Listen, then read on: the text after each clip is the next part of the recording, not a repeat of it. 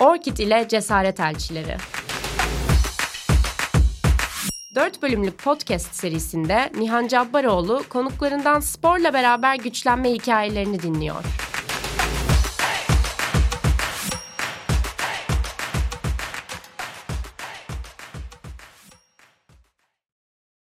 Merhaba, Orkid'le Cesaret Elçilerine hoş geldiniz. Ben Nihan Cabbaroğlu. 4 bölümlük bu programda ilham veren kadınların sporla güçlenme hikayelerini konuşuyoruz. Bu bölümdeki konuğumuz Türkiye'nin en genç kadın rally şampiyonu unvanına sahip Burcu Burkut Erenkul. Burcu hoş geldin. Hoş buldum. Çok mutluyuz seni burada ağırladığımız için. Ben de öyle. Çok teşekkür ederim. Senin hikayeni birazcık konuşacağız. Sporun hayatına neler kattığını konuşacağız. E, şununla başlamak istiyorum ben. En genç kadın rally şampiyonu unvanını kazandın. Tabii bu yıllar önceydi. Şimdi çok daha deneyimli ve başarılı bir pilotsun. Hız ve tehlike senin hayatında hep yer almış olan kavramlar olmalı. Yani bu kadar küçük yaştan itibaren bu sporu yapıyorsun. Kartingle başladın sonra rally'e geçtin. Nasıl bir ilişkin var hızla? Yani senin de söylediğin gibi tabii ki çok küçük yaşlarda otomobil sporlarıyla tanıştım. Tabii babamın aslında cesaretiyle oldu bu. Aslında kendisi çok otomobil sporlarına düşkün bir insandı ve hafta sonları ben onun yani yanında giden biriydim ve sonrasında benim de yapıp yapmak istemediğimi sorunca ben aslında bir anda kendimi karting yaparken buldum diyebilirim haliyle kartingden başlamış olmak benim için çok büyük bir şans. Çünkü e, otomobil sporlarının anaokulu denecek kadar bu işin kültürünü anlatan, işte yarışma kültürünü anlatan, rekabet kültürünü anlatan bir branş aslında karting. Tabii ki küçük yaşlarda da yapılabiliyor. Yetişkin insanlar da yapabiliyor ama ben çok küçük yaşlarda tanıştığım için bu hız ve tehlike konusunu aslında çok kavramsal olarak net çizgilerle ayırmış oldum. Neden? Çünkü tehlike dediğimiz şey aslında dışarıda hiçbir güvenlik önlemi alınmadan ve e, belki de trafiğe açık bir yerde hızlı gitmek aslında hızlı hız yapmaya çalışmak demek. Bu bence tehlikeli bir şeydi. Ama ben aslında en güvenli yerde hız yapma deneyimini yaşadım hep çocukluğumdan beri. Haliyle de benim için tehlike çok başka bir kul var. Hız en çok sevdiğim şey. E, ama tabii ki günün sonunda baktığında hani otomobil sporları, motor sporları tehlikelidir. Bunu da söylemek gerekiyor. Ama güvenlik önlemleri alındığı zaman bu tamamen trafiğe kapalı bir alanda yapıldığı zaman aslında keyfe dönüşüyor. Haliyle de bu benim için bu iki kavram iç içe belki gibi görünse de aslında birbirlerinden çok kurallı bir şekilde ayrılan iki kavram diyebilirim. Orkid'le Oyuna Devam kampanyasında cesaret elçilerinden birisin ve bu kampanyada spora devam etmek isteyen ama bazen spor aletlerine erişimi olmayan kız çocuklarına destek amaçlı yapılan bir kampanya ve seni de bu noktada biraz çocukluğuna götürürsek kartingden bahsetmiştik. Kartinge başladığında hatırladığın bir duygu var mı? Yani orada kendine ait hissettin mi direksiyona? Neler hissettin o anda hatırlıyor musun?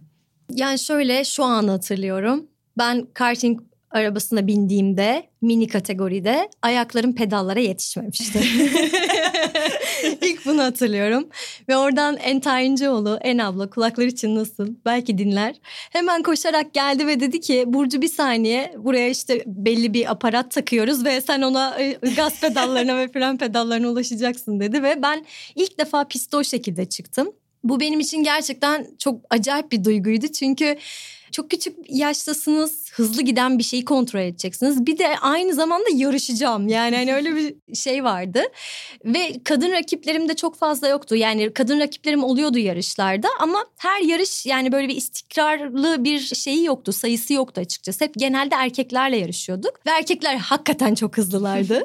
ben onları geçmek için çok çalıştım. Yani nasıl söyleyeyim böyle her hafta sonu yağmur, çamur, kar demeden hep pistteydik. Babam o konuda bana çok fazla destek verdi. Haliyle de aslında burada kız çocuklarının bir ölçüde spora kazandırılması noktasını konuşacaksak eğer bir kere aile desteği de çok önemli. Yani ailenizin sizi bir şeye teşvik ediyor olması, arkanızda duruyor olması. Çünkü biliyorsun kadınlara, kız çocuklarına yüklenen bazı misyonlar var. Örneğin otomobil sporları da bunlardan biriydi aslında benim yarışmaya başladığım dönemde. Hep böyle şey deniyordu bana. Ya sen akülü araba kullanıyorsun. Yok işte çarpışan arabaya mı biniyorsun diyerek aslında yaptığım işi küçültmeye çalışıyordum çalışıyorlardı. Çünkü bir kız çocuğuna yakıştıramıyorlardı. Aslında problem oradaydı birazcık da. Haliyle bir kız çocuğu bunu gördüğü zaman ya buradaki şeyi anlamlandıramıyor aslında. Ben de anlamlandıramıyordum. Çünkü ne demek istediklerini çok anlamıyordum. Çünkü benim hayalimde bir şey vardı. Onu yapabilmekti. Orada yarışabilmekti. Rakiplerim arasından sıyrılabilmekti. Bunları söylediklerini ne demek istediklerini hakikaten anlayamıyordum. Ben 20'li yaşlarımda anladım bu aradaki bu ne demek istediklerini o cinsiyetçi ayrımı vesaire o zaman anladım. Haliyle bir kız çocuğuna siz böyle yaklaştığınız zaman farklı sebepler yüzünden bırakabiliyorlar sporu ve sporu bırakmaları bence dünyanın gerçekten sonu bir kız çocuğu için. Ben iyi ki hiçbir söze kulak asmadan o şekilde hiç yoluma devam etmişim. Tabii ki bu noktada ekipmanlara ulaşmak da çok önemli bir şey. Çünkü yani nerede yaşadığı bunu etkiliyor, hangi ekipmanlara ihtiyacı olduğu bunu etkiliyor, maddi durumu etkiliyor, ailesinin yapısı etkiliyor. Bir sürü sebepten ötürü aslında kız çocukları bir şekilde yapmak istedikleri şeyden uzak kalabiliyorlar. Örneğin yani kickbox hep erkeğe yakıştırılan bir spor ama bir kız çocuğu da yapmak istiyor. Bu sefer kısıtlı imkanlarla o imkanları aşmak için bir yol bulmaya çalışıyor. Orada da bir sürü önüne çetrefilli şeyler çıkıyor. O yüzden Orkid'in burada yaptığı şey çok değerli. Hakikaten benim için de çok değerli. Çünkü e, hep böyle o zaman ben de ekipmanlara çok kolaylıkla ulaşamıyordum yani hatırlıyorum hani bunu söylemekten de asla yüksünmem. Arkadaşlarımın antrenmanda yarışlarda bitirdikleri lastikleri çöpe atıp o çöpten o lastiklerle alıp arabama takıp antrenman yaptığım günleri biliyorum. Çünkü ben bir şey yapmak istiyordum. Ben orada yarışmak istiyordum. Rakiplerime yetişip onlara onlar gibi yarışarak onları aynı zamanda geçmek istiyordum ve hiçbir zaman da yüksünmedim. Bütün yolları denedim ve günün sonunda işte senin de söylediğin gibi en genç kadın rally şampiyonu oldum. Bir sürü tecrübe kazandım. İnşallah bundan sonra da devam edeceğim. Söylediğin çok önemli bir şey var aslında çocukken çok farkında olmuyoruz başımıza gelen şeylerin. Yani işte akülü araba örneği verdin örneğin. İşte futbol oynayan bir kız çocuğuna gelip ya işte sen ne yapıyorsun kadın futbol oynar mı diyor mesela. Ya da işte sen zaten yeterince hızlı koşamazsın vesaire gibi şeyler söyleniyor. Küçükken tabii ki bunun toplumsal cinsiyet kodlarıyla alakası olduğunu çözemiyorsun aslında. Kesinlikle. Sadece anlayamıyorsun olanları anlam veremiyorsun. Sonradan öğreniyorsun bazı şeyleri. Yani neden hani küçükken yaşadığımız şeyleri bazen sonradan hatırlıyoruz. İşte bizim benim başıma bunlar bu yüzden gelmiş diye anlamlandırabiliyoruz görebiliyoruz. O yüzden aslında hani yetişkinlere çok fazla iş düşüyor bu noktada. Yani neyin neden söylendiğinin farkında olmak ve çocukları bu şekilde yönlendirmek gerekiyor ki evet. hani bu tarz şeylere maruz kalmasınlar aslında. Evet. O kodlarımız aslında bir sonraki nesile çok aktarmamıza ihtiyaç olmadığını düşünüyorum ben. Yani gerek yok. Bir de yine çocukluktan devam ederken şunu da sormak istiyorum. Bir yaptığın bir TED konuşması var Aydın Üniversitesi'nde evet. yanılmıyorsam. Orada küçükken yaşadığın bir sosyal anksiyeteden bahsetmiştin. Yani evet. bazen bakkala giderken bile zorlandığından, oradaki insanlarla iletişim kurmakta zorluk çektiğinden bahsetmiştin. Sporla bunu aştığını söylüyorsun. Sporun nasıl bir faydası oldu bunu aşmakta sana? Benim hayatımı spor değiştirdi. Çünkü ben astım hastasıydım. 3 ayken astıma yakalanmıştım ve ailemin de ilk çocuğuyum. Haliyle 3 aylık astıma yakalanan bir çocuğu korumakla ilgili bir şeyleri vardı ailemin. Ve sürekli işte terleme, koşma, gülme bile diyordu annem bana öyle söyleyeyim. Çünkü terlediğim zaman hastalandığımı düşünürdü. Ve ilkokul öğretmenime şöyle bir tembihte bulunmuştu. Burcu dışarı çıkmasın, top oynamasın, koşmasın, işte voleybol seçmelerine girmesin. Sadece kaloriferin yanında oturan bir çocuk yani böyle. Sürekli sıcakta tutulması gereken bir çocuk gibi büyütüldüm. Ta ki 7 yaşına kadar işte okula ben 6 yaşında başladım işte 7 yaşlarına kadar hep böyle bir süreç vardı. Haliyle bu beni biraz içine kapanık bir hale getirdi. Çünkü ben ne zaman bir şey yapmak istesem e, dur yapma, koşma, etme gibi bir şeyle karşılaşıyordum.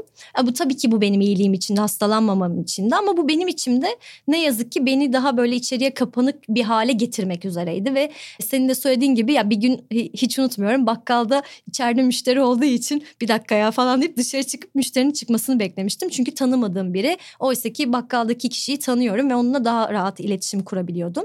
Ama sonra otomobil sporları hayatıma gir girince ve oradaki tabii işin birazcık daha zorluğunu keşfedince çünkü hani maddi olarak güç gerektiren bir spor olduğu için haliyle orada kendini ifade etmek zorundasın. Yani çünkü senin tabii bir kız çocuğunu da o pistlerde görünce televizyon kanalları seninle röportaj yapmak istiyor, dergi geliyor seninle röportaj yapmak istiyor. Haliyle ben bir süre onlardan bile kaçıyordum. Babamın arkasına saklanan bir kız çocuğuydum öyle söyleyeyim.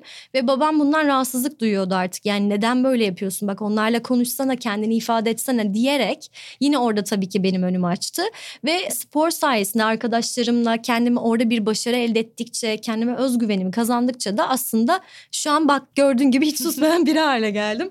Haliyle benim kariyerimin ya yani benim hayat hayat hikayemin en önemli mihenk taşıdır. Yani otomobil sporları spor yani illa otomobil sporları olmasına gerek yok. Spor benim hayatımı bugünkü haline getiren tek şeydir şimdiki performansına ve hani medya varlığına baktığımız zaman gerçekten çok güçlü bir varlık var. Yani kendi YouTube kanalın var. İşte şimdi burada podcast kaydediyoruz. Kendi sosyal medyan gayet çok yerinde röportajlar yapıyorsun, reklamlara çıkıyorsun. Bu güçlü bir varlık yani ve kendini ifade etmekte ne kadar iyi olduğunu da gösteriyor aslında. Demek ki yani bu süreçte hani 7 yaşında başladım demiştin. 7 yaşından şu zamana kadar baktığın zaman hani spor senin hayatının neredeyse tamamını değiştirmiş durumda. Kesinlikle, kesinlikle. O zaman başka bir burcu olacaktı muhtemelen. Yani hiç sporla tanışmamış bir burcu olsaydı ki otomobil sporlarından önce bir de yüzmeyle de ilgili bir şeyim oldu ama su çiçeği geçirdiğim için devam edemedim yani. Haliyle otomobil sporlarına bu kısmetmiş ve çok da zorlu bir spor olduğu için birazcık ben inatçı da bir insanım. Haliyle yani oradaki zorluklardan da pes etmedim. Yani birazcık da orada da insanın kendine de bir şey düşüyor eğer seni tedavi eden, seni iyi bir yere götüren bir şeyse onun peşinden gitmek lazım. O da zaten içindeki duygular sana bunu söylüyor bir şekilde. Motor sporları fiziksel olarak aslında çok zorlayıcı bir spor bu konuda biraz bilgi eksikliği olduğunu da düşünüyorum aslında. Çünkü yani dışarıdan bakınca arabanın içinde gidiyormuşsun gibi. Yani sanki bir yerden bir yere gidiyorsun gibi görünüyor. Ama aslında orada yani işin içine hız devreye girdiği zaman çok farklı kaslar, çok farklı beynin farklı kısımları çalışıyor onu yaparken. Yani ben bir kere işte benim babam ralli pilotu Yavuzhan Cabbaroğlu. Buradan onu da selam söyleyelim. selam söyleyelim evet. Onunla bir antrenman yapmıştım. O da benim yarışçı olmamı çok istiyordu. Yani ben olmadım sonra ama o yüzden böyle birkaç kez antrenman yapmıştık ve yani ben o antrenmanlardan her çıktığımda böyle her bir kasımı çalıştırmışım gibi inanılmaz bir yorgunlukla çıkıyordum yani. Hani bir saat araba sürüyorum ama hani orada normal trafikte gitmek gibi bir şey değil. O bambaşka bir şey. Onun spor hali çok başka. Sen evet. nasıl deneyimliyorsun bunu? Yani söylediğin gibi gerçekten hani dışarıdan bakıldığında hep şey var. O, otomobille spor mu olur ya falan diyorlar ama aslında otomobille spor gerçekten öyle bir oluyor ki yani beyninin her bir hücresi çalışıyor.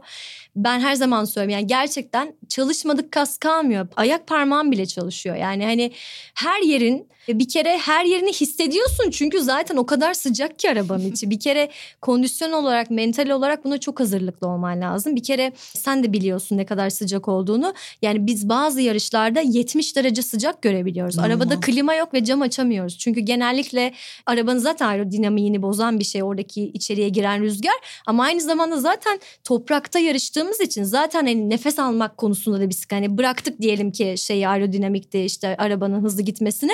Nefes alalım diye açsan bile açamıyorsun. Haliyle oradaki sıcağa alışman, içerideki o bütün o mücadele çünkü her yerden bağlısın, altı noktadan bağlısın, Hı. kafanda kask var, hans var. Zaten üzerinde yani iki kiloya yakın bir tulum taşıyorsun. Haliyle zaten onların ağırlığıyla beraber içerisi de sıcak ve full konsantre gitmek zorundasın. O yüzden fiziksel olarak çok büyük bir kondisyona ihtiyaç duyuyorsun. Ben full sezon yaptığım dönemlerde mutlaka haftanın 3 günü ki bazen yetersiz bile kalıyordu. Haftanın 3 günü full spor yapıyorum ki oradaki kondisyonum, oradaki kaslarım hiçbir şekilde geriye gitmesin, daha da gelişsin diye. Bizim boyun kaslarımız, kol kaslarımız, bacak kaslarımız hepsi aynı anda çalışıyor. Ve yani bu bu bence bilinçsizce söylenen bir şey. Bence otomobil sporları pek çok spora göre insanı çok daha fazla zinde tutan ve çok daha hareket kabiliyetini yüksek tutan bir spor diye düşünüyorum rally etaplarında da yani pist yarışlarında da aslında uzun saatler boyunca konsantrasyonu bir an bile kaybetmemek gerekiyor Kesinlikle. bir yandan da. O yüzden hani o start verildiği andan itibaren başka hiçbir yerde olamazsın. Başka hiçbir şey düşünemezsin. Andasın, Tamamen andasın. anın içinde evet. olmak zorundasın. Yani Birçok sporda bu böyle. Otomobil sporlarında bunun yanında bir de fiziksel sağlığın tehlikede. Yani böyle bir durum var. Yani ufacık yaptığım bir hata sana büyük bir kazaya mal olabilir. Bu yüzden daha da farklı bir adrenalin ve daha da farklı bir konsantrasyon düzeyine sahip olmak zorundasın. Peki bunun için yaptığın bir takım mental egzersizler var mı? Tabii oluyor. Yani şöyle biz zaten her yarış öncesinde mutlaka gittiğimiz etapları bir böyle öncesinde yarışmışsak mutlaka onları öncesinde bir izliyoruz. Notlarımızın üzerinden geçiyoruz. Tabii ki tekrardan gittiğimizde o etap değişmiş olabiliyor. O yüzden tabii ki antrenmanımızı yeniden yapıyoruz ama mental olarak hazırlanmak açısından mutlaka ben o bir hafta önce sadece o yarışa konsantre oluyorum. Başka hiç yani sosyal anlamda belki çok az şey yapıyorum diyebilirim. Evde bir simülasyonum var. Simülasyonda yine kendimi mental olarak hazırlamaya çalışıyorum. Çok fazla inkar izliyorum. İnkar dediğim önceki yarışlarımdan görüntüler. Kopilotumla o hafta mutlaka çok vakit geçirmeye çalışıyorum. Bunlar bile o kadar etkili ki. Yani hani senin oradaki konsantrasyonunu aslında tabii ki bir de kopilotun var yanında. Evet. Onunla da aynı konsantrasyonda olman gerekiyor. Ne kadar çok vakit geçirirsen ve onun da ne kadar çok mental olarak hazır olduğu da çok önemli. Yani sadece senin her şeye hazırlıklı olman ya da fiziksel kondisyonun ya da mental hazır olman yeterli bir şey değil. Bu iki kişinin de aynı oranda bunu yapıyor olması lazım. Çünkü birinden biri dalgınsa zaten kimse kimseyi toparlayamaz yani günün sonunda. Haliyle bu tarz çalışmalarım oluyor. Mesela yememi içmemi bile ona göre düzenliyorum. Çünkü o bile bir şekilde seni etkiliyor. Yani psikolojik olarak da etkiliyor. Çok yemek yemek mesela. Olabildiğince çok sıvı tüketiyorum. Çünkü biz 3,5 kiloya yakın sıvı evet. E, kaybına uğruyoruz her yarış sonrası. O yüzden o bile çok değerli bir şey. Tamamen yarışın konsantrasyonuna giriyorsun ve yarışın da tabii ki nerede olduğu, ne zaman olduğu, hangi yarış olduğu da çok etkili. Ama genellikle stimülasyon ve inkarlarla bunu tamamlamaya çalışıyorum. Spordan kazandığın bu özgüven ve bu mental güç sana normal hayatında nasıl yardımcı oluyor? Yani şimdi sen beni görüyorsun tabii burada. Ben böyle çok ufak tefek ve hakikaten 45 kilo bir insanım. yani baktığın zaman. Dışarıda insanlar böyle beni çok ufak tefek gördükleri zaman şey diyorlar. Nasıl ya rally pilotu bu kadar ufak tefek mi oluyor falan diye. Aslında makulü bu. Yani makbulü bu daha doğrusu. Olması gereken bu. Çünkü bizde ne kadar az hafif, ne kadar az kilo varsa, ne kadar hafifsek arabanın içinde o kadar etkili yani. Rally'de de bu böyle. Karting'de zaten çok fazla öne çıkan bir şeydir her zaman. Haliyle böyle sanki dışarıdan şey gibi görünüyorum biraz daha böyle ufak tefek ve daha kırılgan görünüyorum ama oysa ki hani benim yani o kadar çok spor yapıyorum ki haliyle o kas gücüm vesaire zaten yağ kas oranım o kadar dengede ve ona çok dikkat ettiğim için de aslında çok güçlü bir yapım var ama bu dışarıdan görüntü olarak bunu yansıtmıyor çünkü sanki insanların kafasında şöyle bir kod var ne kadar iri yarı ve kiloluysan o kadar güçlüsün gibi bir algı var ne yazık ki oysa oradaki kas oranı seni güçlü yapan şey. O yüzden dışarıdan böyle görünmese de güçlüyümdür yani bayağı hem mental olarak hem de fiziksel olarak. Daha önce tekne yarışları da yaptın. Pist yarışları da yaptın. Ama gönlünde rallinin ayrı bir yeri olduğunu söylüyorsun. Diğer yarışlardan ralliyi nasıl ayırırsın? Yani benim rally demek benim için hayatın ta kendisi. Ben rally ile hayat o kadar çok birbirine benzetiyorum ki. Nasıl? Şöyle mesela biz hayatımızla ilgili bazı planlar yapıyoruz değil mi? Yani işte şunu şöyle yapacağım, bunu böyle yapacağım. Bir sürü hayatımızla ilgili planlar var. Kısa vadeli veya uzun vadeli. Yarışlarda da biz böyle planlar yapıyoruz. Ama hayatımızda bir anda karşımıza bambaşka bir şey çıkabiliyor. Mesela bir sağlık problemi çıkabiliyor. Mesela pandemi çıktı hepimiz mahvolduk. Yani hiç öngöremediğimiz şeyler hayatımızda iyi ya da kötü. Bu arada sadece negatif olmasına gerek yok. Evet. Pozitif de olabilir.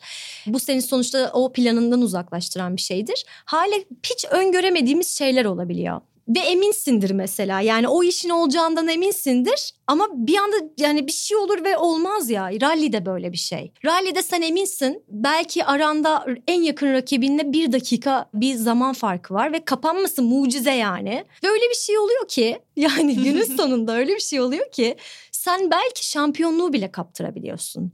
O yüzden rally'de şöyle bir şey var. Sen karşına ne çıkarsa çıksın yeri geliyor takla atıyorsun arabayı tekrar döndürüyorsun ve devam ediyorsun.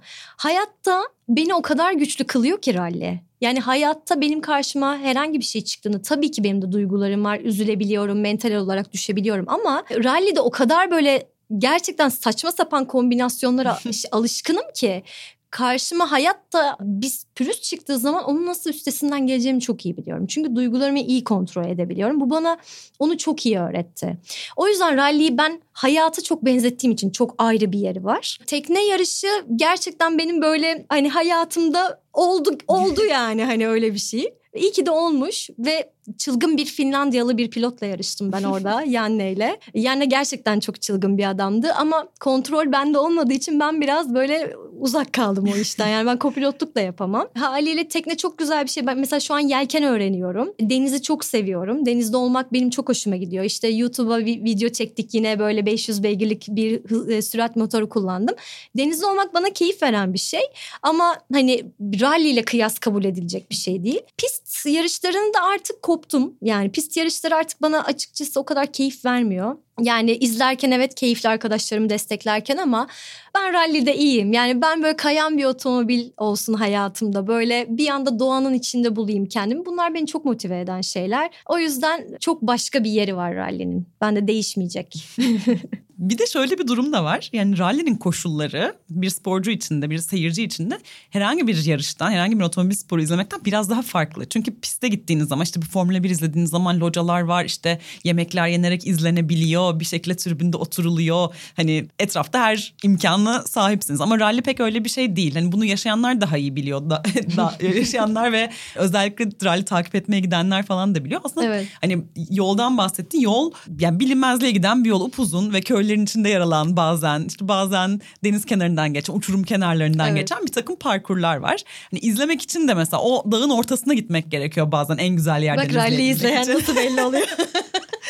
Ya da mesela servis alanı da öyle. Yani bir yere hani bunlar hani bir yere kuruluyor. Ertesi gün başka bir yere kuruluyor. O yüzden hani o kurulan yerlerde her zaman her imkan olmuyor. olmuyor evet. Yani tuvalete gitmek bazen şey zor o. oluyor. Evet. Su almak zor oluyor. İşte yiyecek bulmak zor oluyor falan. Bu koşullar içerisinde de yani sporun kendisinin zorlayıcı olduğu kadar bu koşulların da biraz zorlayıcı tarafı evet, var. Evet koşulları çok zor. Söylediğin gibi yani çoğu zaman tuvalet bulamıyoruz. Kadın sporcu olmak bu noktada çok zor oluyor.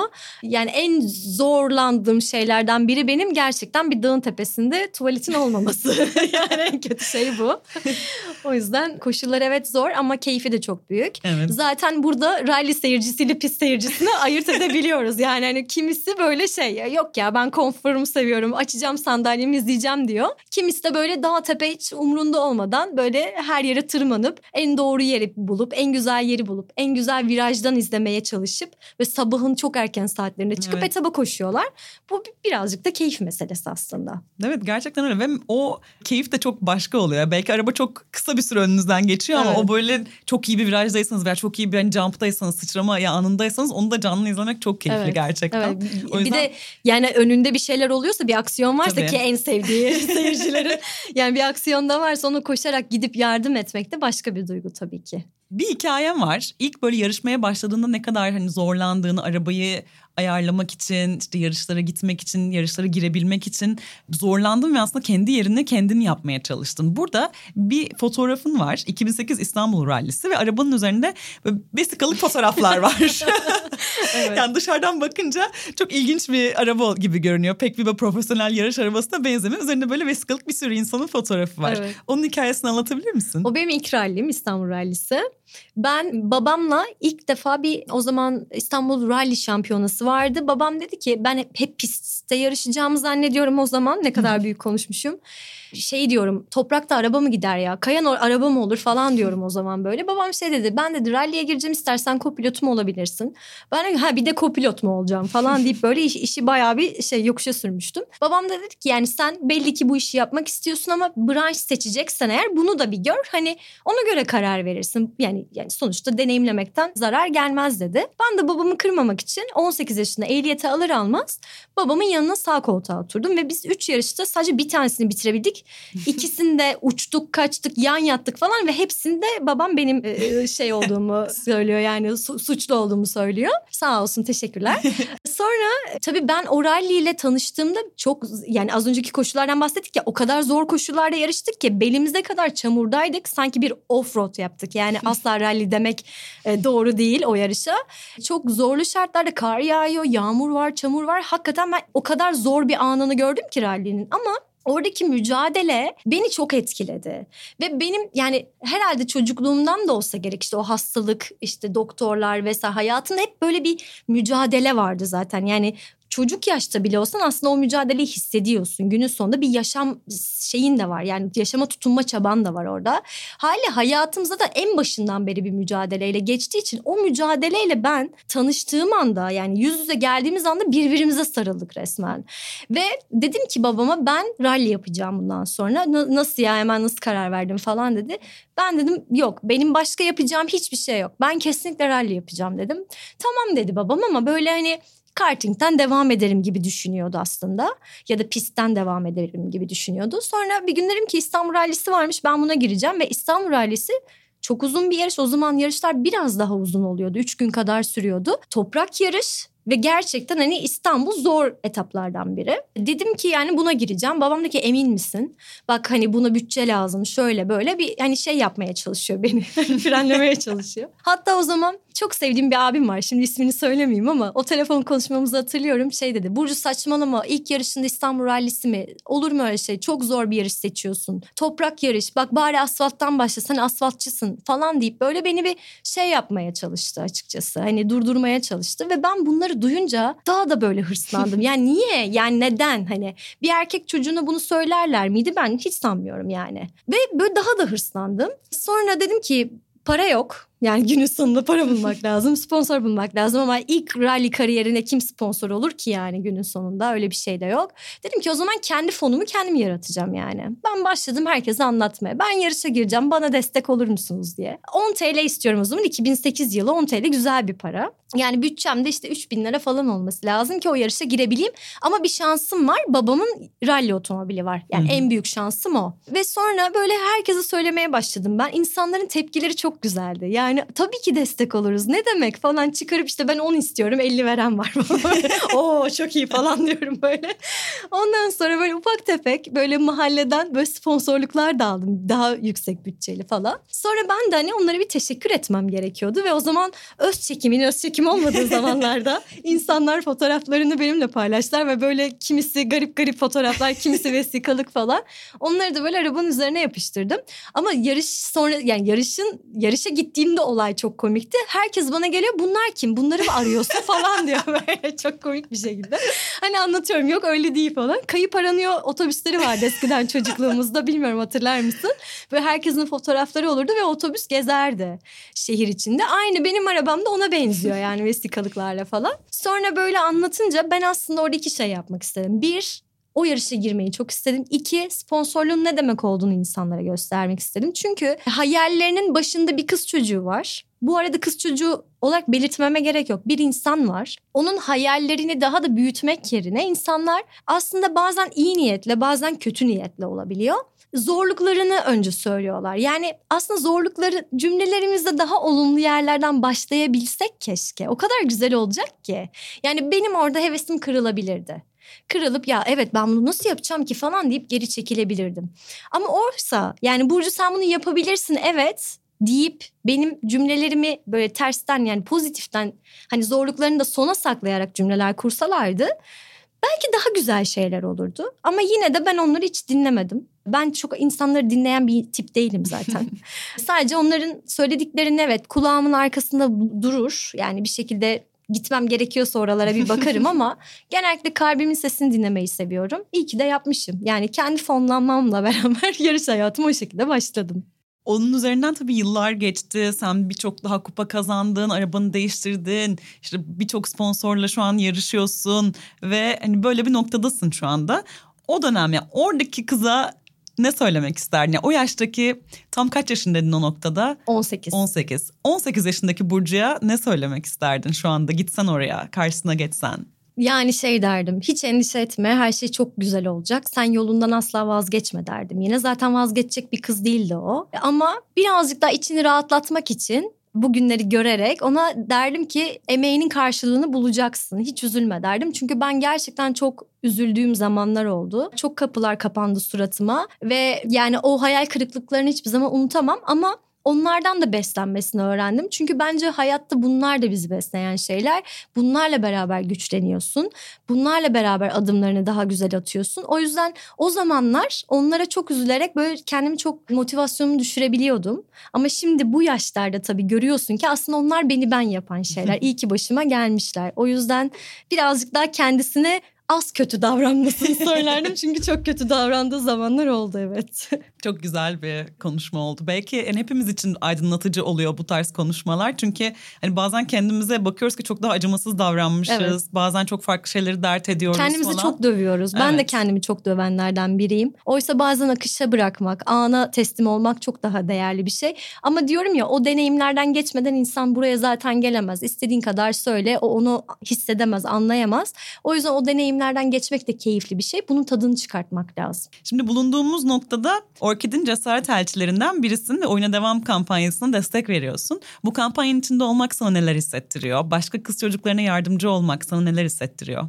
Bir kere şunu söyleyeyim. Öncelikle çok teşekkür ediyorum ben. Çünkü gerçekten çocukluğumdan beri Orkid markası benim için hep böyle bir işbirliği yapmak istediğim bir markaydı ve öyle bir yerde yollarımız kesişti ki çünkü kız çocuklarının özelinde yapılan bir kampanyada elçi oldum ben. Hep böyle hafızamda zaten Orkid kadınlara her zaman işte kız gibi sloganı vardı mesela benim aklıma kazınan ve ondan çok etkilenmiştim biliyor musun? Çünkü ben hiçbir yarışma maskülen bir tiple çıkmadım. Hep fönlü çıktım, hep rujumla çıktım. Kız gibi çıktım hep ve ben gerçekten Orkid orada bana bunu benim içimde destekleyen bir şeydi. Ve yıllar sonra şimdi bambaşka bir kampanyada spora devam dedikleri bir noktada elçi olmak benim için çok gurur verici bir şey. Bunu gerçekten hani samimiyetle söylüyorum. Gözlerimden de görüyorsundur zaten. Evet. Çünkü kız çocuklarımıza o kadar ihtiyacımız var ki bence bu toplumu kadınlar güzelleştiriyor. Kadınlar eli değdikleri her şeyi güzel yapıyorlar.